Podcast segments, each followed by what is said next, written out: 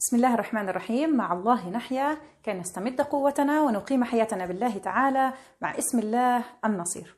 اسم الله النصير اسم جميل من أسماء الله الحسنى يستحق الله تعالى أن يعبد بها وان نتعرف على هذا الاسم نلقي بآثاره بظلاله بقيمته في حياتنا كي تصبح حياتنا أكثر طمأنينة أكثر سلاما أكثر قوة وأكثر انسجاما مع هذا العالم. اسم الله النصير مرتبط بالنصر والمدد والتغيير المرتبط بحياة إنسان نحو الأفضل بأن يصبح إنسان يعني يكسب معركة يكسب موقف يكسب جولة يكسب حالة أو أمر معين. هذا عملية الكسب أو عملية الارتفاع لهذا الإنسان أو الكسب لهذا الموقف مرتبطة باسم الله.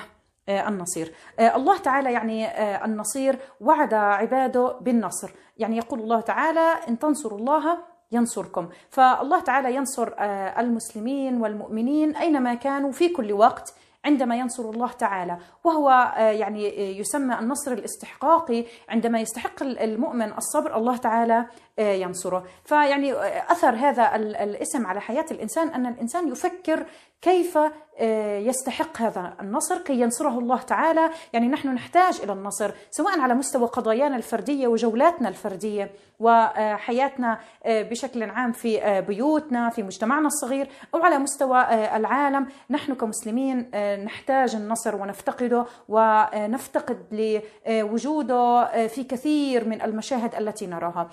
فهل يعني الأصل أن يعني نفكر هل نحن مستعدين لهذا النصر؟ هل نحن مستحقون للنصر؟ يعني الله تعالى وعد المسلمين بالنصر عندما يلتزموا بأمره يستقيموا على أمره وأيضا يعدوا العده لهذا النصر فالله تعالى وعدهم ينصركم. يعني النصر حتما ويقينا موجود ولكن الأصل أن نصبح مهيئين ومستعدين لهذا النصر.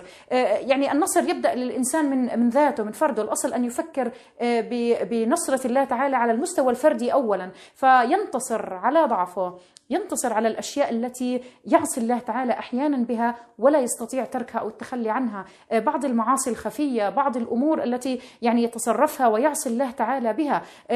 لسانه الذي يتسلط على الآخرين مشكلاته التي يعني يدخل بها ولا ينهيها. أحيانا إساءة العلاقات التي تحصل بينه وبين الآخرين أن ينتصر على ضعف نفسه بأن يترك هذه المشاكل.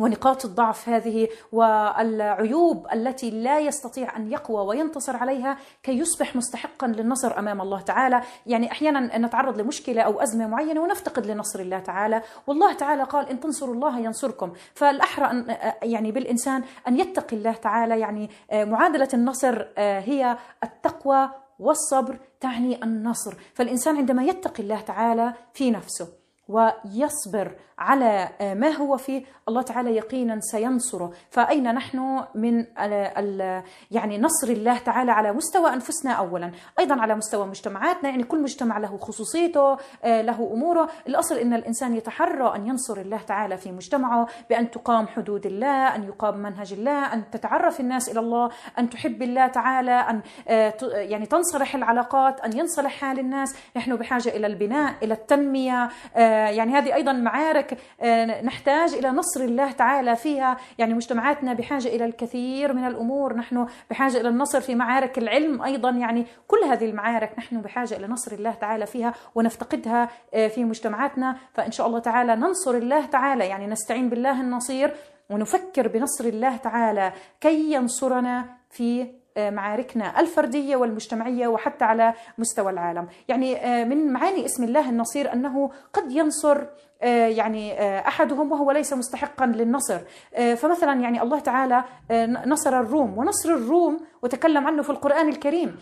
قد ينصر الله تعالى من لا يستحق النصر لحكمة هو يعلمها. فيعني عندما نرى مثلا يعني قصة نصر الروم في القرآن اليوم عندنا مثلا نصر الدول الكبيرة التي تنتصر وتحقق الإنجازات وتعلو ويرتفع شأنها. أحيانا يعني معنويات الإنسان قد تهبط. والأصل أن الإنسان الذي يؤمن بنصر الله تعالى يعرف أن الله تعالى حينما ينصر حتى غير المستحق للنصر أو المتعدي فلحكمة يعلمها الله ولأنه يدبر أمرا آه، للمسلمين أو للضعفاء أو للمساكين في كل مكان. فالله تعالى يعني إذا قد ينصر آه، غير المستحق لحكمة. فلا تهبط معنويات الإنسان ولا يضعف ولا آه، يقل ثقته بنصر الله تعالى.